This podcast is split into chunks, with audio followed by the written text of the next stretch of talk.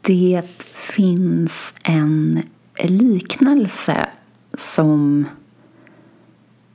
har kallats för liknelsen om de onda vingårdsarbetarna. Och den här liknelsen finns med i hela fyra av fem evangelier. Så det enda evangeliet där den här liknelsen inte finns är Johannes evangeliet. Annars finns den i lite olika varianter i de andra evangelierna.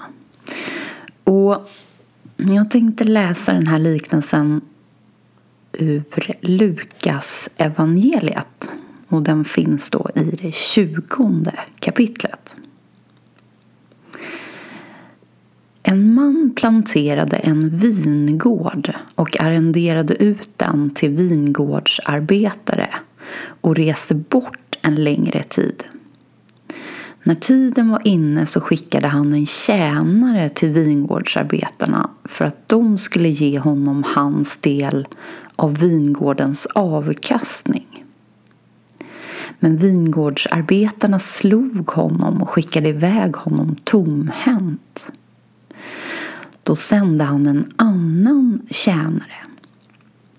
Också honom slog de och hånade och skickade iväg tomhänt. Därefter sände han en tredje tjänare. Men även honom slog de blodig och jagade bort. Då sade vingårdens herre Vad ska jag göra? Jo, jag vill sända min älskade son. Honom ska de väl ha respekt för. Men när vingårdsarbetarna fick se honom överlade de med varandra och sade Här har vi arvtagaren. Låt oss döda honom så får vi arvet. Och de kastade ut honom i vingården och dödade honom. Vad ska nu vingårdens herre göra med dem? Jo, han ska komma och döda dessa vingårdsarbetare och lämna vingården åt andra. När de hörde detta så sa de Det får aldrig hända. Men han såg på dem och frågade Vad menas då med detta ord i skriften? Den sten som byggnadsarbetarna kastade bort har blivit en hörnsten. Var och en som faller på den stenen skall krossas och den som stenen faller på ska smulas sönder. De skriftlärda och översteprästerna ville nu gripa honom på en gång men de vågade inte för folket. De förstod att det var om dem han hade talat i denna liknelse. Och det här sista är ju ett tillägg som då författaren eller författarna av just Lukas evangeliet gör. Så det är också en tolkning som de har gjort och så har de sen lagt till det här tillägget. Men jag känner att den här liknelsen också talar till oss alla på ett lite djupare plan. Och ni kanske minns liknelsen från förra avsnittet om barnen som befann sig på ett fält som inte var deras. Och när ägarna till fältet kom så inte bara lämnade barnen fältet utan de klädde till och med av sig nakna innan de lämnade fältet. För de var väl medvetna om att fältet bara var någonting som de hade fått låna av de rättmätiga ägarna en liten stund. Och det beteendet kan man säga skiljer sig väldigt mycket från det vi anar i den här liknelsen. Här kan vi nästan säga att vi har motsatsen lite grann. De här arbetarna är väl medvetna om att de arbetar och ansvarar för en vingård som inte är deras. Och ändå när ägaren ger sig till känna för att inte ta över hela vingården utan hämta en del av skörden som en slags betalning eller hyra för arrendet så dödar dem eller misshandlar och slänger ut en efter en av de representanterna för ägaren som kommer. Och om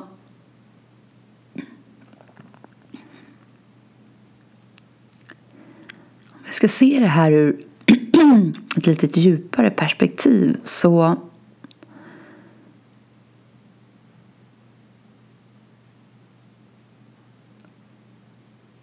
handlar den här liknelsen verkligen om att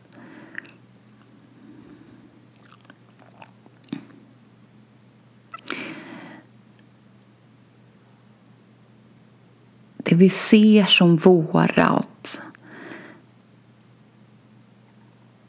kommer ju ur identifieringen med en person, med ett personligt jag som anser sig äga alla handlingar och allt det som till synes skapas ur de handlingarna eller tillfaller personen tack vare de handlingarna.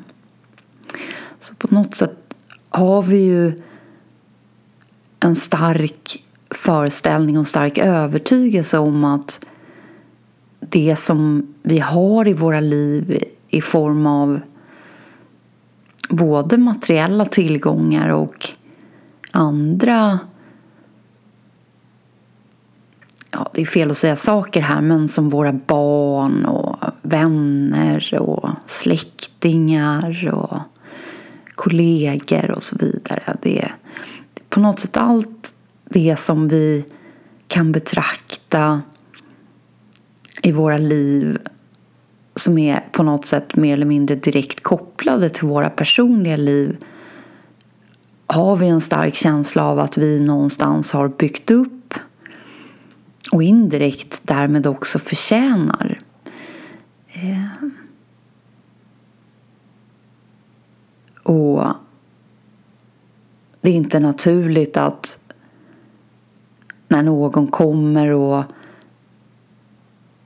behöver något, någon form av hjälp, i synnerhet inte om det är någon som vi inte riktigt känner. Och kanske ännu mer om det är någon som inte riktigt känns bekant eller hemtam. Ja, då är det inte helt självklart att vi ska hjälpa till eller dela med oss därför att vi har ju någonstans också skapat det här.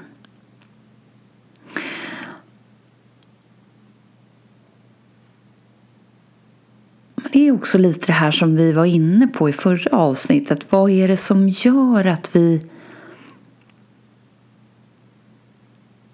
är så övertygade om att det perspektivet är det rätta. Och igen så är ju roten till hela det perspektivet någonstans bottnar ju i jaget och vad vi har identifierat jaget med. Så jaget har på något sätt identifierats med en enhet.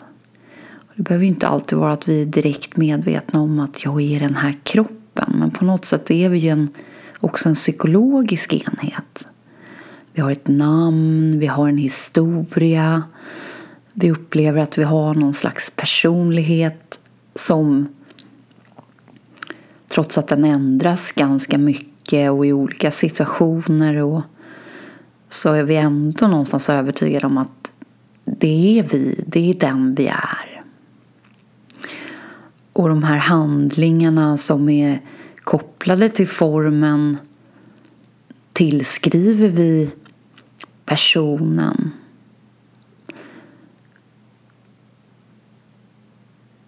Och också hus, hem, familj, vänner och så vidare ser vi och känner vi både starka kopplingar till men också hur det på något sätt har vuxit fram och byggts upp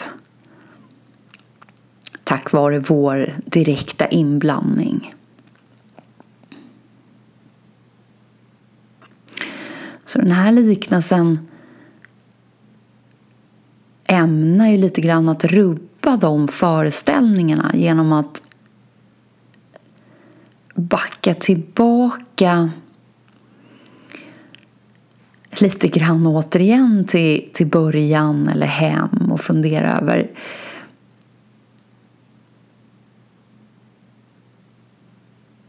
det resonemanget riktigt sant eller handlar det kanske snarare om att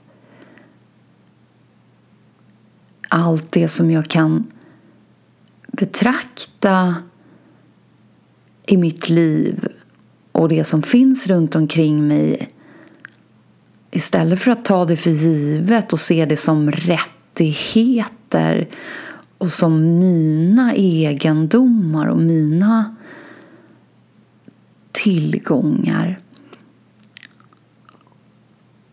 Det kan lika gärna vara så att det är är gåvor. Gåvor som jag just nu har till låns.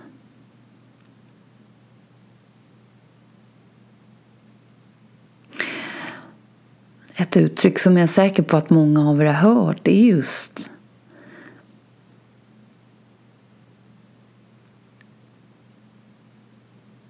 behandla allting som om det endast var dig till låns. Och när någonting är oss till låns, om vi har lånat någonting, oavsett vad det är, så är vi ju lite extra försiktiga och rädda om det där för att vi vet ju någonstans att det inte är vårat och att vi också på något sätt ska lämna tillbaka eller lämna över eller lämna vidare det här så småningom. Vi vet inte kanske när men att det kommer att ske vilket också gör att vi helst inte vill lämna det vidare i ett alltför dåligt skick.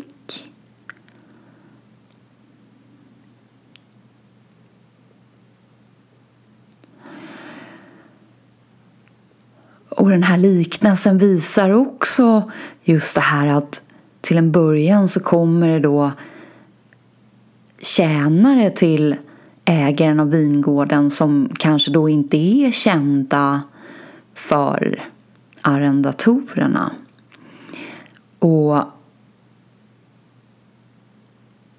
då känner de inte på något sätt att de behöver egentligen ta ställning till hur de ska göra utan då, då är det mer eller mindre självklart att avfärda dem och kanske till och med ge dem en liten läxa så att de inte visar sig där igen. För de här arrendatorerna de har ju installerat sig här på vingården och de arbetar ju ute på vinfälten varje dag och känner ju mer eller mindre att de har rätt till det här nu. Det är ju tack vare dem som skörden kommer och, och storleken och kvaliteten på skörden det är ju tack vare deras arbete och deras omsorg för vingården. Så de är ju inte villiga att bara sådär släppa saker och ting ifrån sig. De har lite grann glömt bort sanningen helt enkelt. De har vänt sig lite ifrån sanningen och skapat sig lite grann en ny föreställning av sanningen. Och sett ur det perspektivet så känns inte deras agerande så jätte jättekonstigt, tycker de. Och så småningom så funderar då ägaren av vingården vad, vad ska jag göra för någonting? Jag måste ju på något sätt ändra strategi här. Och till slut så kommer han på att men om jag skickar någon som de verkligen känner är, är ett tydligt tecken på att det egentligen är jag som kommer och, och vill inkassera min hyra eller min arrendedel, det som vi kom överens om någonstans från början här också. jag skickar min son. Och sonen här, självklart som författarna tolkar det också, är ju, de tänker ju direkt på Jesus såklart. Och Jesus i det här fallet är också en symbol för en realisering av sanningen. Så att sonen är ju på något sätt någon som kommer med en direkt vittnesbörd av sanningen. Han kommer och talar direkt från källan sanningens direkta språk.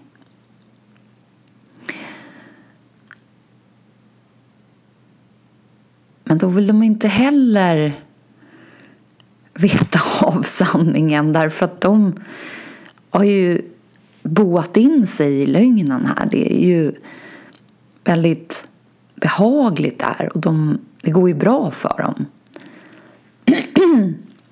Så tillsammans är de överens om att om vi bara gör oss av med, med sanningen, om vi bara, om vi bara lite grann vänder oss ännu mer åt ett annat håll så då försvinner den kanske och då, då kommer vi inte behöva konfrontera den utan vi, vi bara känner att vi vill bara fortsätta med våra liv här och, och allt ska vara som det var innan det här dök upp. Och därför så dödar de sonen. Och då eh, övergår i liknelsen till Jesus där han säger vad, vad, vad ska hända nu? Vad ska ägaren av vingården göra nu tycker ni? Med arrendatorerna. Och innan någon hinner svara så svarar han själv att självklart ska han ju döda dem och överlåta gården till nya arrendatorer. Och det här tycker de som har lyssnat på likelsen är lite väl hårt. De säger att nej, men är det verkligen nödvändigt? Ska han agera så kraftfullt? Och då nämner Jesus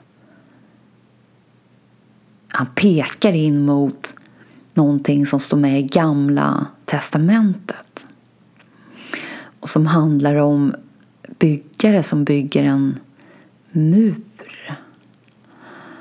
Och där en av stenarna som finns som kommer att, då att bli deras hörnsten är en sten som de inte riktigt vill ha med i muren.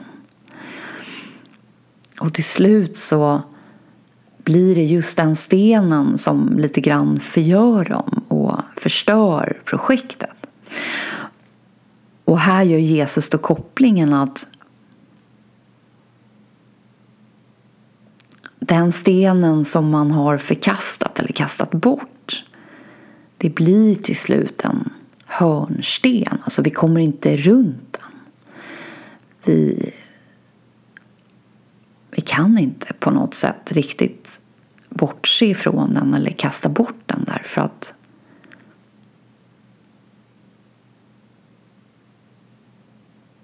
den är där och tills dess att vi tar in den i vårt projekt och gör den till en del av projektet så kommer den förgöra oss. Det här handlar ju någonstans om att oavsett vad, vad vi väljer för någonting det är ju en möjlighet, en option. Det är ju upp till oss. Det är inget påtvingat här på något sätt. Men till slut så kommer livet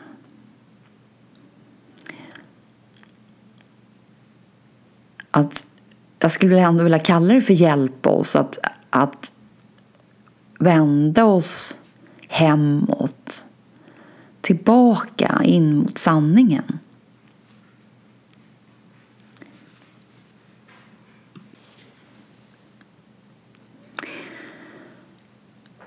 Och i sanningen så vilar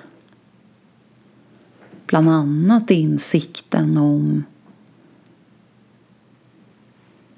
att separering är en tanke, ett koncept och att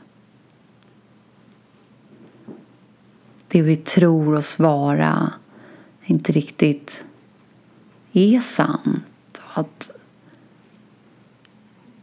handlingarna och allt det relativa egentligen på något sätt är någonting som uppstår och försvinner.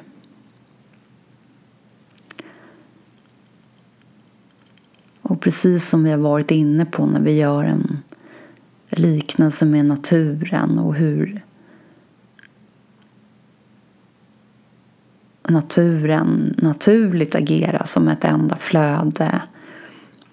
Så på samma sätt handlar det om för oss också att livet är ett flöde och det som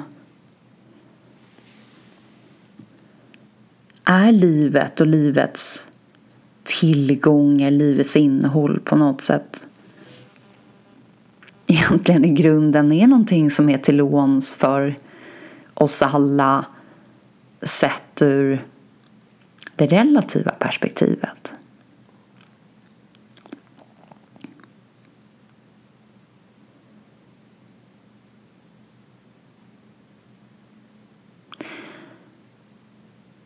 Och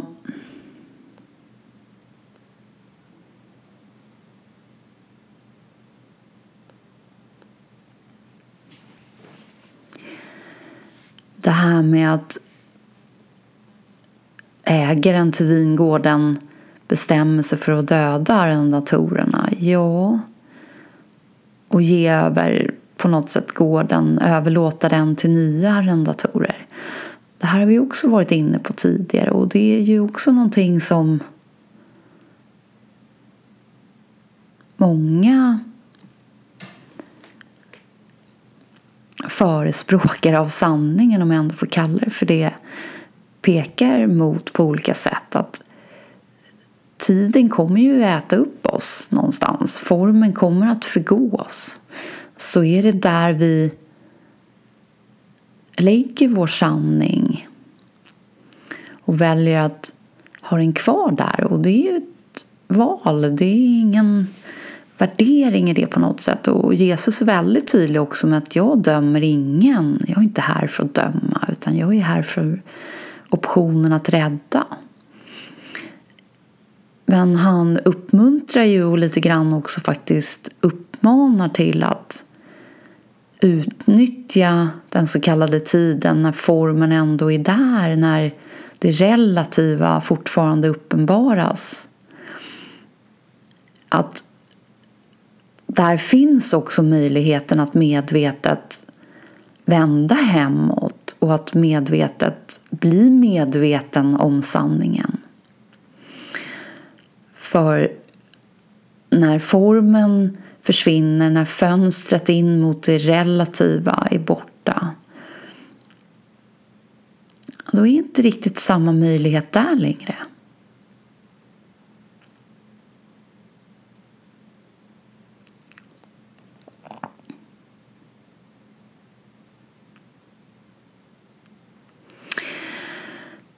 Finns en man som också har blivit helgonförklarad. Vi pratade ju om Augustinus för ett antal avsnitt sen som heter Dom Ignatius av Loyola eller Saint Ignatius of Loyola.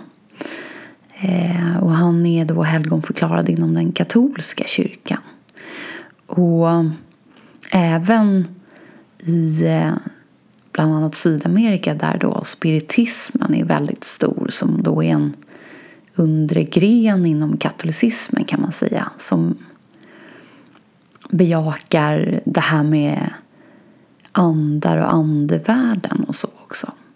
Vilket även som ni säkert känner till i flera av evangelierna så omnämns det ju att Jesus på olika sätt driver ut andar och så vidare. Men han i alla fall eh, uttryckte sig så här. I sin, på något sätt, i, sitt, i sin vilja och, av att lämna över sig, av att, det här med surrender som vi har varit inne på också. Take Lord and receive my memory, my understanding, my entire will.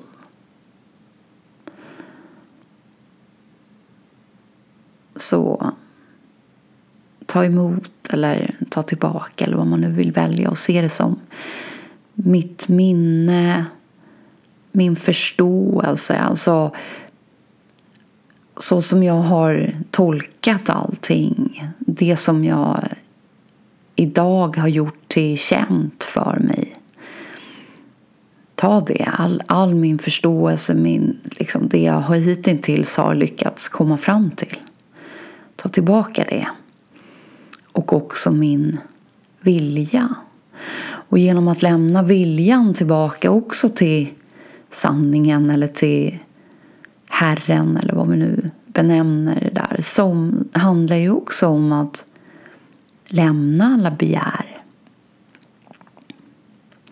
Så han är också någonstans här medveten om att allt det här, mitt minne, alltså hela historien, det har byggt upp som en föreställning om vem jag är. Allt det som är kopplat till att uppleva sig vara en person. Min förståelse och hela min vilja.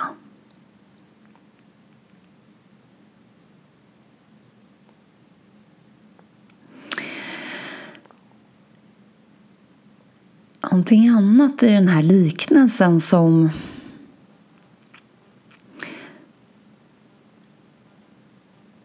också är en viktig poäng som Jesus gör. är Lite det vi var inne på, det här med att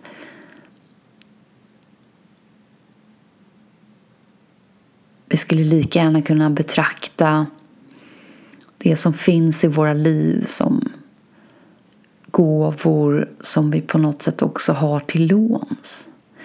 Och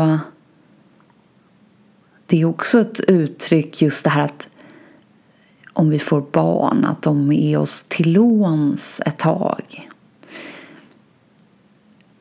Och om vi skulle applicera det på allting som finns i våra liv. Att allt det som vi har och som vi tyvärr allt för ofta också tar väldigt mycket för givet. Och också gärna vill ha lite mer av. Så om vi istället skulle vila lite grann i att allt faktiskt är oss till låns. Och den som säger det här är mitt är inte riktigt sann och trovärdig.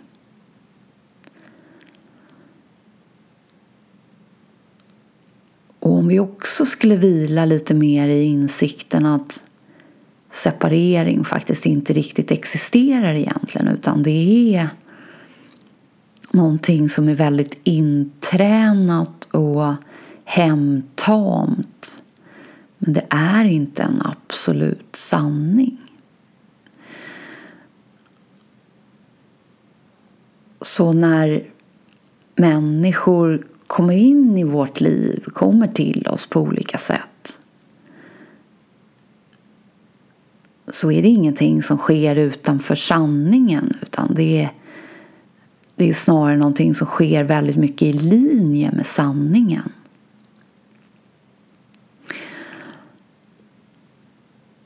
Och varje gång som vi lite grann vänder oss bort ifrån sanningen genom att förneka att det skulle ha någonting med oss och våra liv att göra ja, då har vi ju någon liten släng av den här sjukan som de här arrendatorerna verkar ha fått en rejäl dos av. Och att det blir till slut nästan lite naivt att tro att vi kan fortsätta att drömma, vi kan fortsätta att vara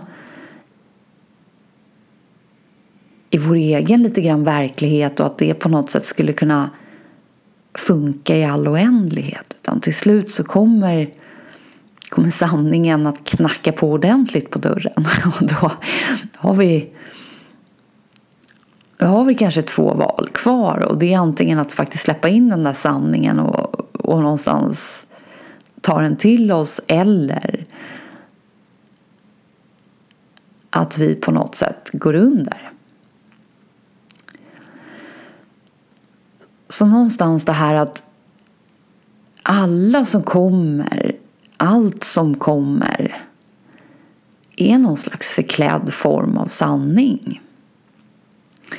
Och precis som vi också varit inne på tidigare så är ju det som händer inom ramen för det relativa är ju egentligen ingenting som riktigt befläckar eller skadar det absoluta utan vi lever ju på något sätt i filmen och har gjort den till oerhört verklig och oerhört sann vilket gör att den också blir oerhört smärtsam och full av lidande.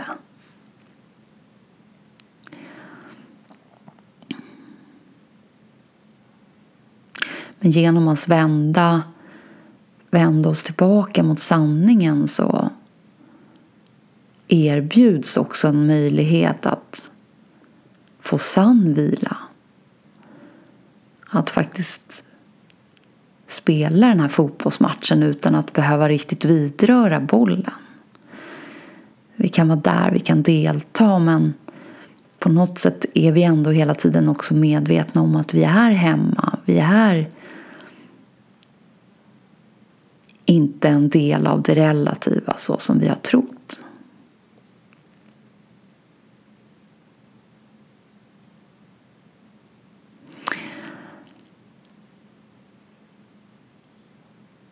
Så varför inte börja lite grann ändå i änden att vila med uppmärksamheten hemma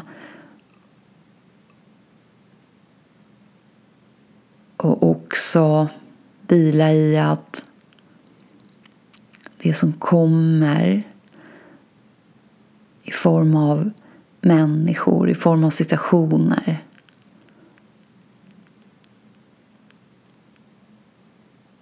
det är där för oss.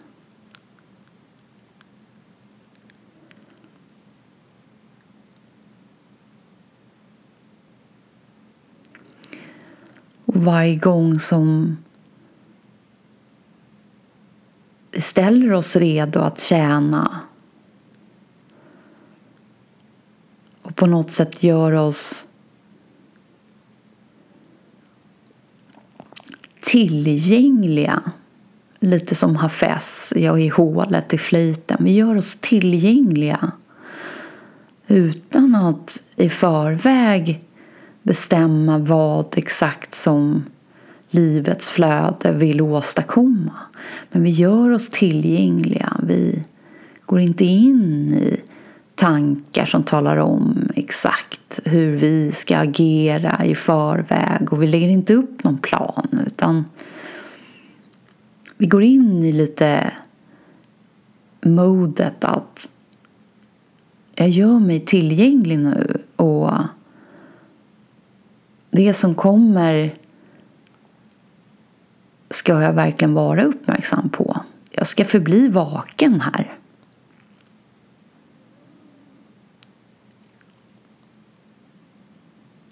Och genom att skifta perspektivet och skifta inställningen så kommer vår relation till livet och vår inställning till livet också att skifta. Det är ofrånkomligt därför att allt hänger ihop.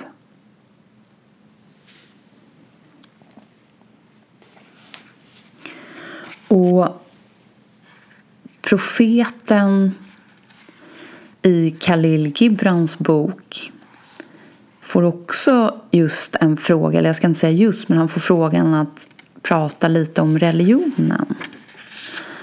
Och dels så svarar han så här. Har jag idag talat om något annat? Är inte religion alla gärningar och all eftertanke?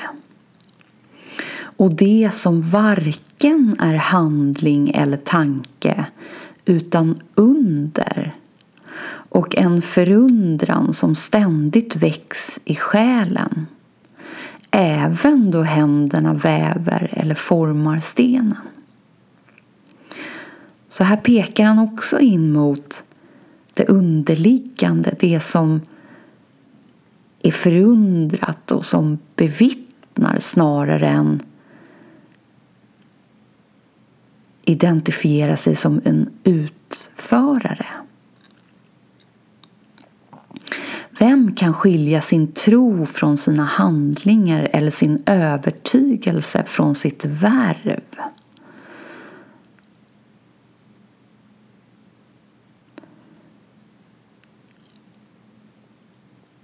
Vem kan breda ut tiden framför sig och säga att detta är för Gud och detta är för mig?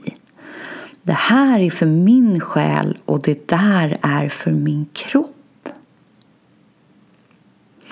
Alla era stunder är likt fåglar på flykt i rymden från ett jag till ett annat jag.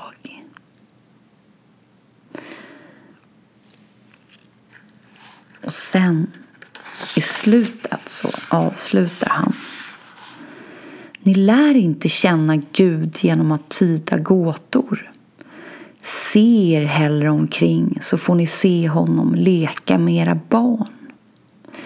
Blicka ut i rymden så får ni se honom vandra bland molnen och sträcka ut sina armar i blixten och med regnet stiga ner till jorden. Ni får se honom le i blommorna för att sedan höja sig och vaja i trädens grenar.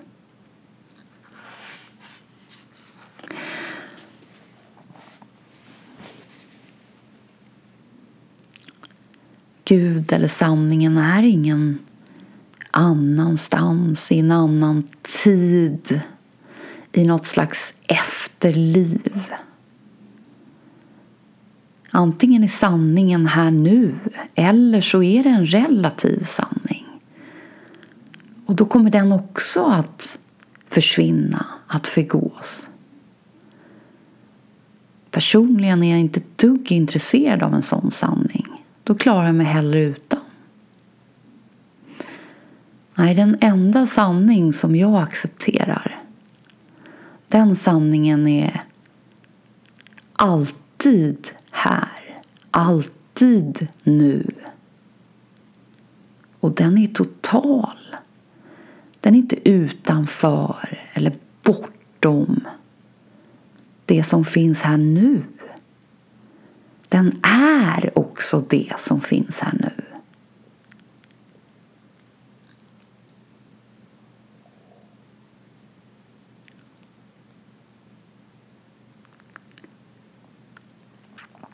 Så den där hörnstenen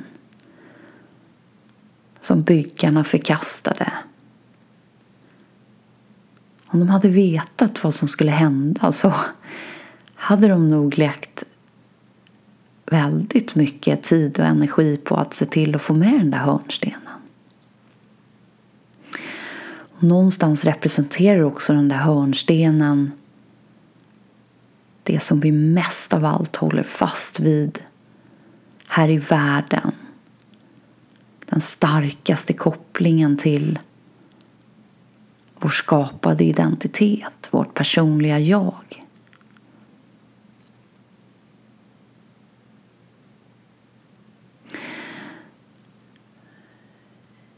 Jag träffade en ung kvinna som läste till arkitekt för många år sedan.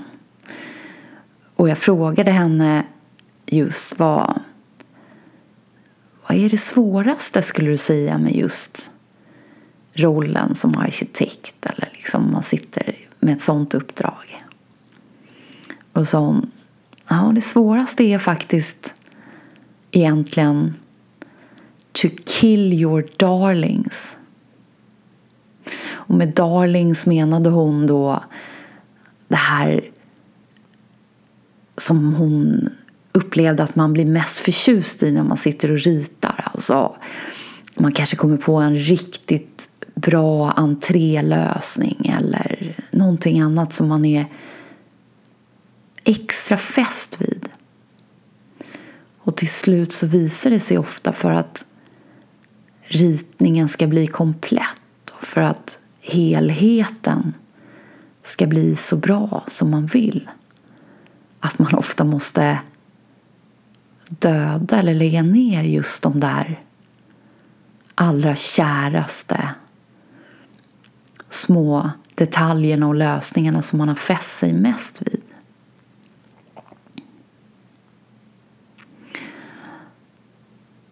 Så det visade sig att hon var ytterligare en av livets mästare som stod där framför mig. Som så många andra har gjort och kommer att göra.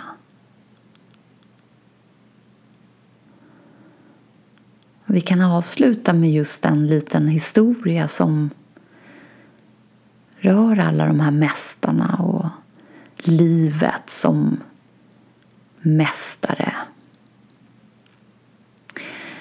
Det var en man som bad innerligt till Gud om att sända honom en mästare.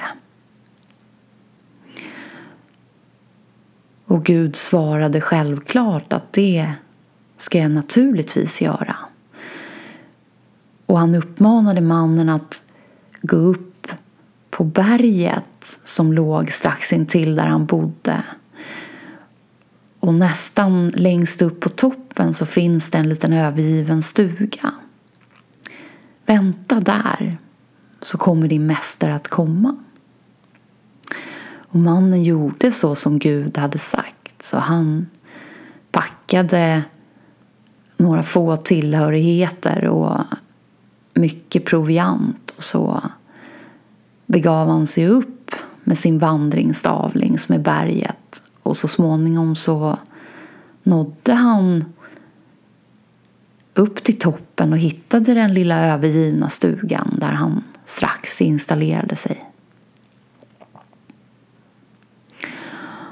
Och efter bara någon dag så kom en gammal gumma förbi stugan. Och gumman var gammal och skruttig och hade nästan inga tänder kvar. Och hon knackade på för att höra om hon inte kunde få en bit bröd. Men mannen avfärdade kvinnan och sa jag har inte tid med dig för jag väntar här på min mästare som ska komma så att du får gå till någon annan och fråga om bröd. Jag behöver mitt bröd själv här för jag vet inte hur lång tid jag kommer vara här. Och efter ytterligare någon dag så kom en liten pojke förbi utan varken tröja eller skor. Och han frågade om han fick komma in och värma sig och även han var hungrig och törstig. Men mannen avfärdade även den lilla pojken och sa att jag har inte tid med dig, jag väntar på min mästare. Du får springa ner till byn igen. Där har du större chans att lyckas. Och så där pågick det som ni förstår och dagarna och även veckorna och till slut månaderna gick. Och till slut så dog mannen. Och då mötte han återigen Gud, eller då fick han möta Gud och då konfronterade mannen genast Gud och sa vad jag väntade och väntade i den där stugan precis som du hade sagt men det dök aldrig upp någon mästare. Varpå Gud svarade. Jag sände många mästare till dig men du kände inte igen någon av dem.